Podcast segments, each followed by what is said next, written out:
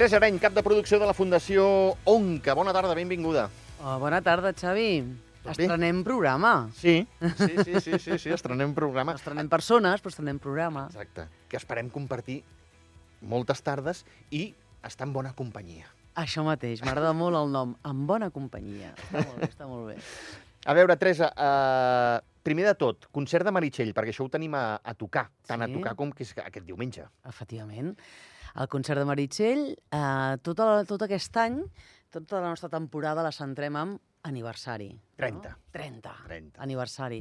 Uh, per què? Doncs perquè aquest any la Fundació Onca, l'orquestra, que de fet és primer va néixer l'orquestra, l'any Sí. 93, juntament amb la Constitució, doncs uh, fem 30 anys, la Fundació fa 30 anys.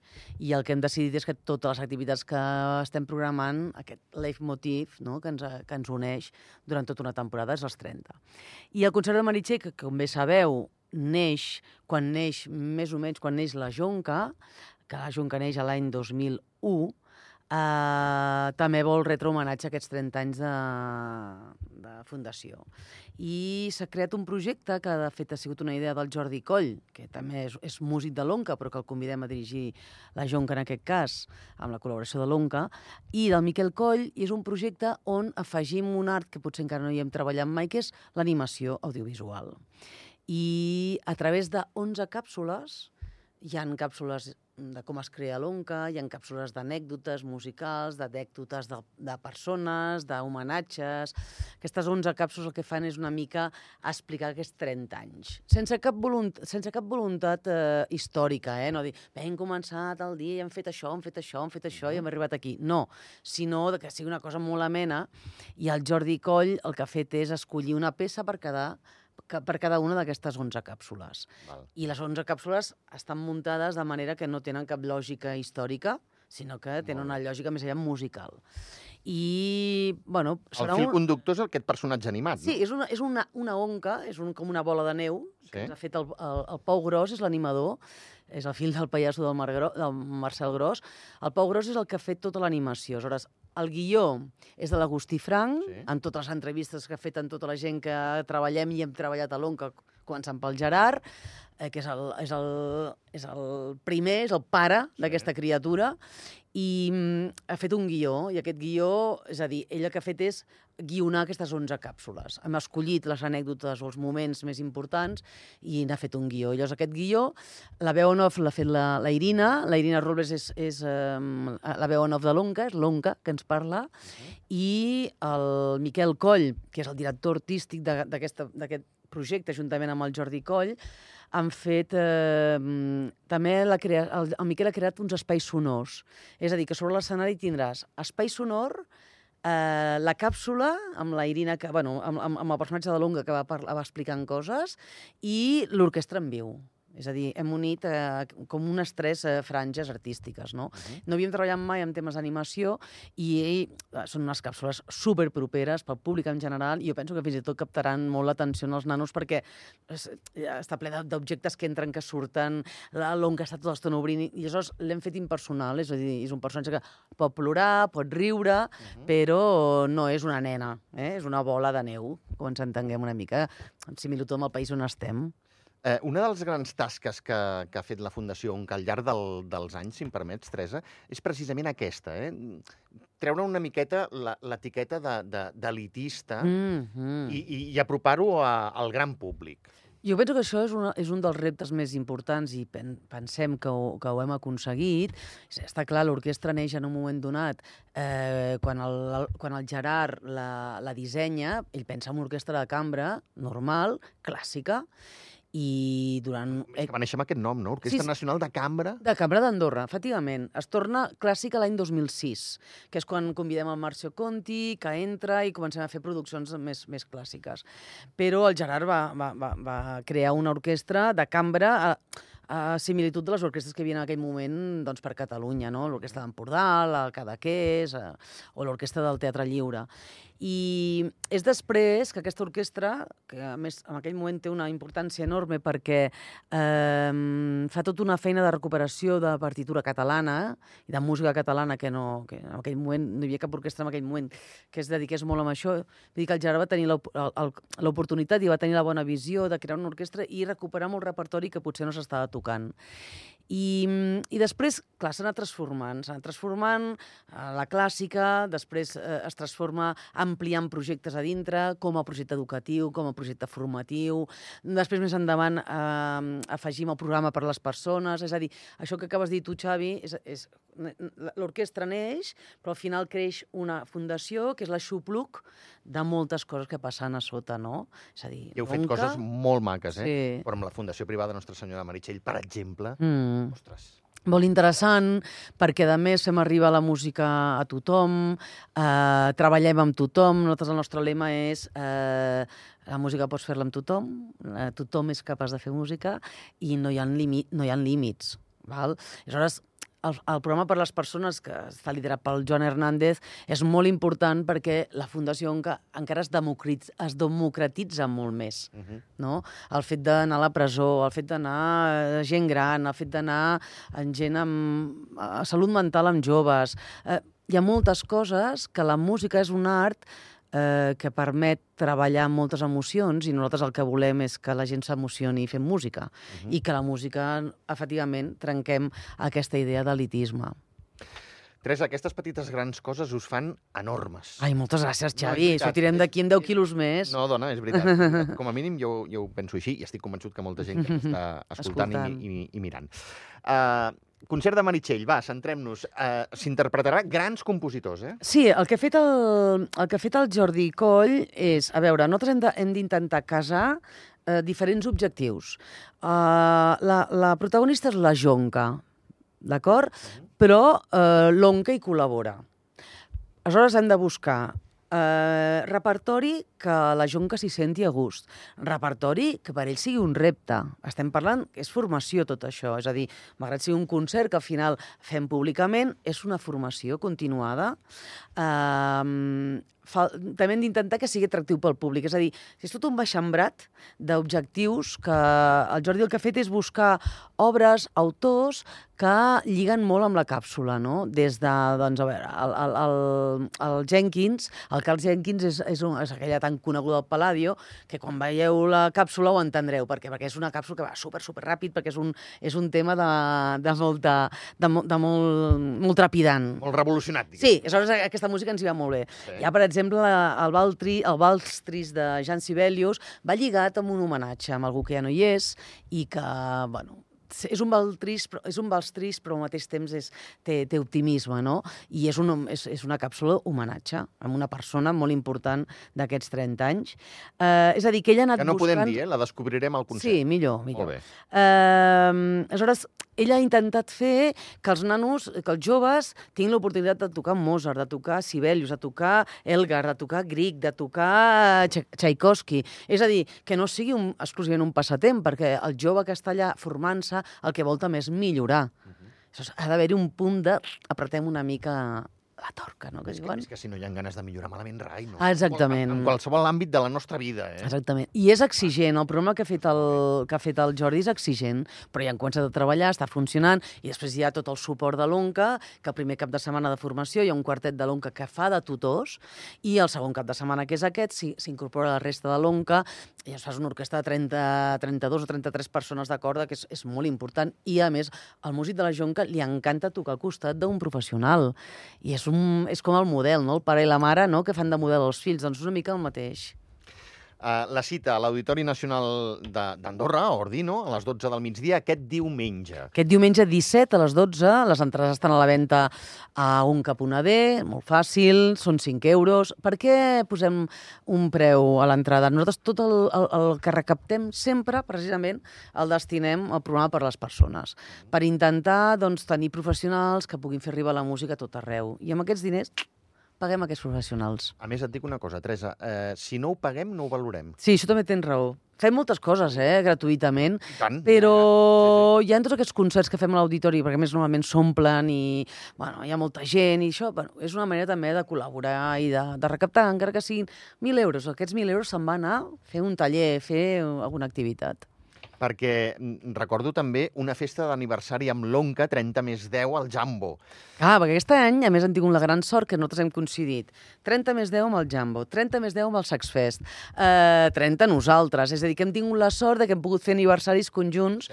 amb, amb, amb aquestes sinergies musicals que ja fa temps que estem duent a terme. Ho, ho dic perquè, com que has dit que heu fet coses gratuïtes, en feu-hi moltes. Sí. I espero que la gent les sàpiga aprofitar i valorar. Sí, espero que sí, espero que sí, perquè ara en farem moltes més que t'explicaré en, breu. Doncs va. si m'ho demanes, jo t'ho i tant. explico. Tenim, tenim dos projectes, eh? eh? Un seria el cicle de tardor. Sí, si vols comencem pel concert de la Pau, per això que és Vinga. ara immediatament. Vinga. El concert de la Pau és un encàrrec del Consell General. El síndic general es posa en contacte amb nosaltres i ens diu el dia 21 de setembre és el Dia Internacional de la Pau i ens agradaria eh, fer un concert per tal motiu.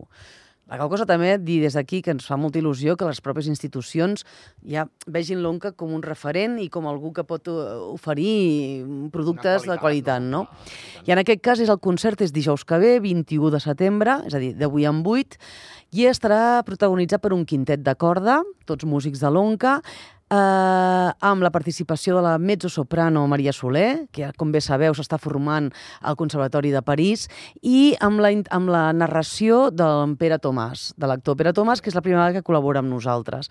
Aquest és un projecte totalment finançat pel Consell General, però us ho explico perquè així també m'han donat permís perquè ho faci. I eh, bàsicament el que, el que serà aquest concert, que també són tot peces molt conegudes, i l'Albert Gomí, que ha fet la direcció musical del projecte, també n'ha fet els textos. I aleshores eh, el concert es diu Emocions en temps de conflicte. I ell ha buscat equips emocions, i en cada emoció li ha posat una música, i en cada emoció hi ha uns textos que ell mateix ha escrit. Des del conflicte, la resignació, la tristesa, el desconcert, la compassió i el perdó, la, desolu la desolució, desolació, perdó, l'agitació, l'esperança, la ràbia, la convicció, la fermesa i el consol.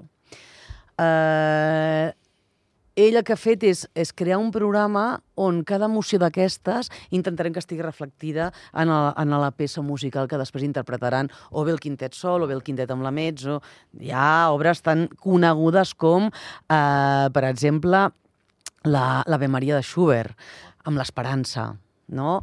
O tenim, per exemple, eh, hi ha una altra... Ah, la, la Chacchio Pianghi, de l'òpera Rinaldo, de Händel, eh, amb la tristesa. O tenim el desconcert amb el Confutatis del Requiem de Mozart.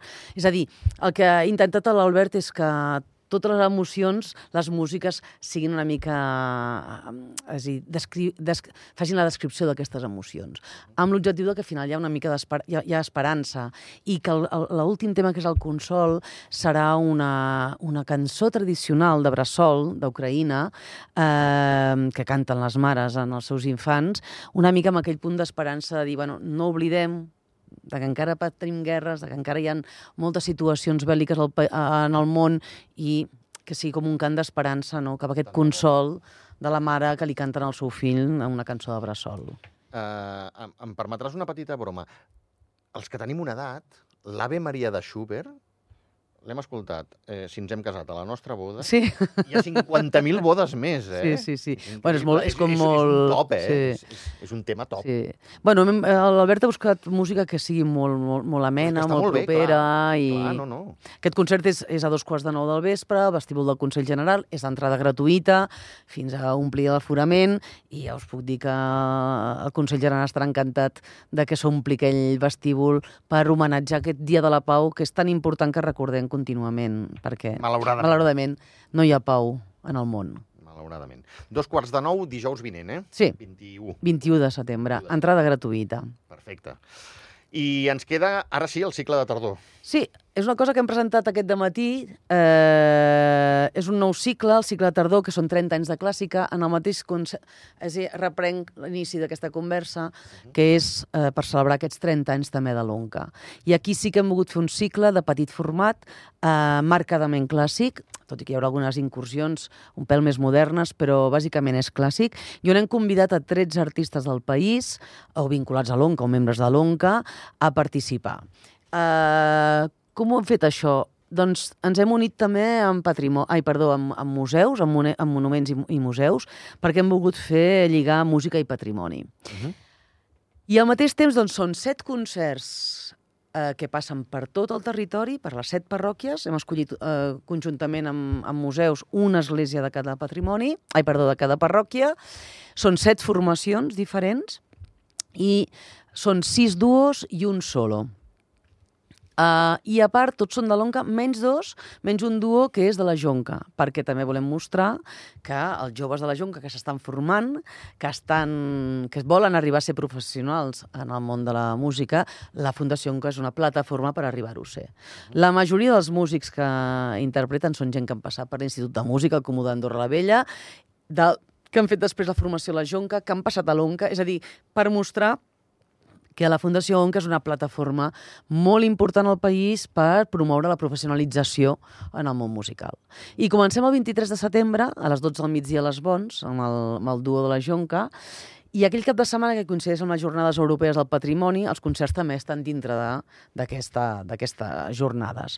A la tarda tenim el concert a Sant Joan de Caselles amb el duo de violoncels, l'endemà a la tarda, el dia 24 a les 7 de la tarda, doncs tenim el concert de, de duo de violí i viola amb el Sergi Claret i la Laura Bosch.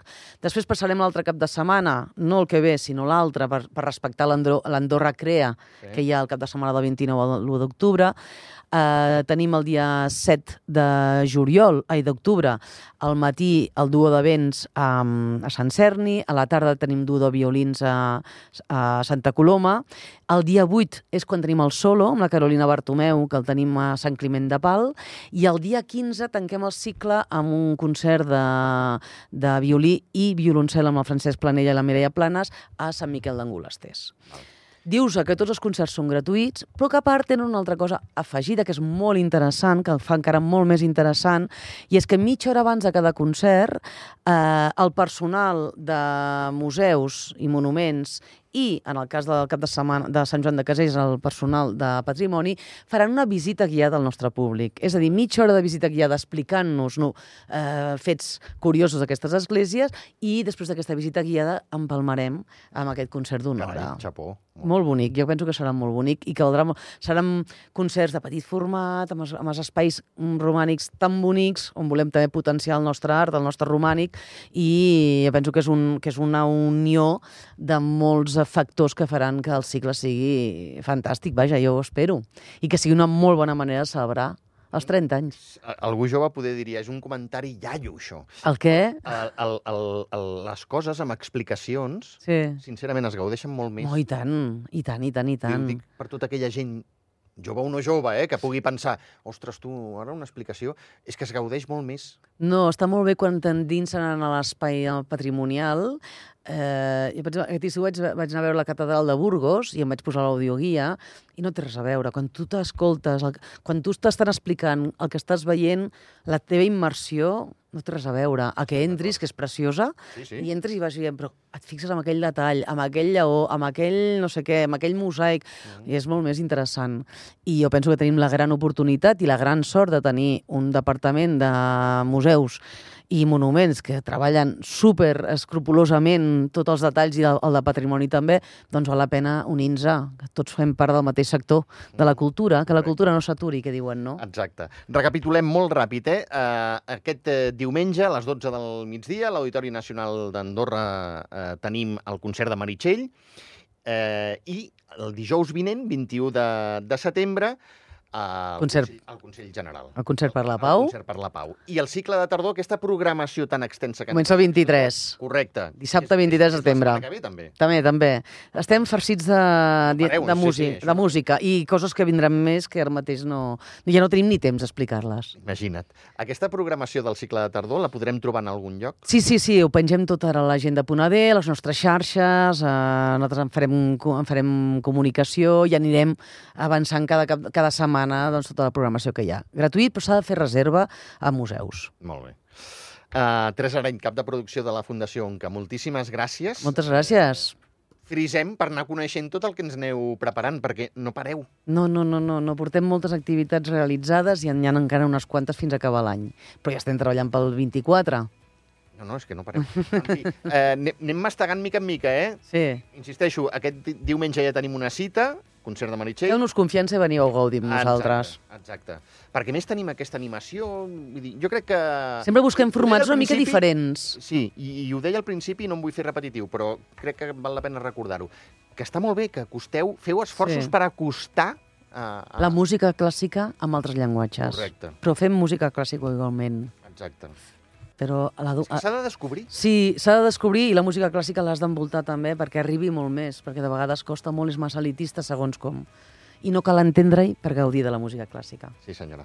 Em quedo amb aquesta frase. Teresa, gràcies. Moltes gràcies, Vagi Xavi. abraçada.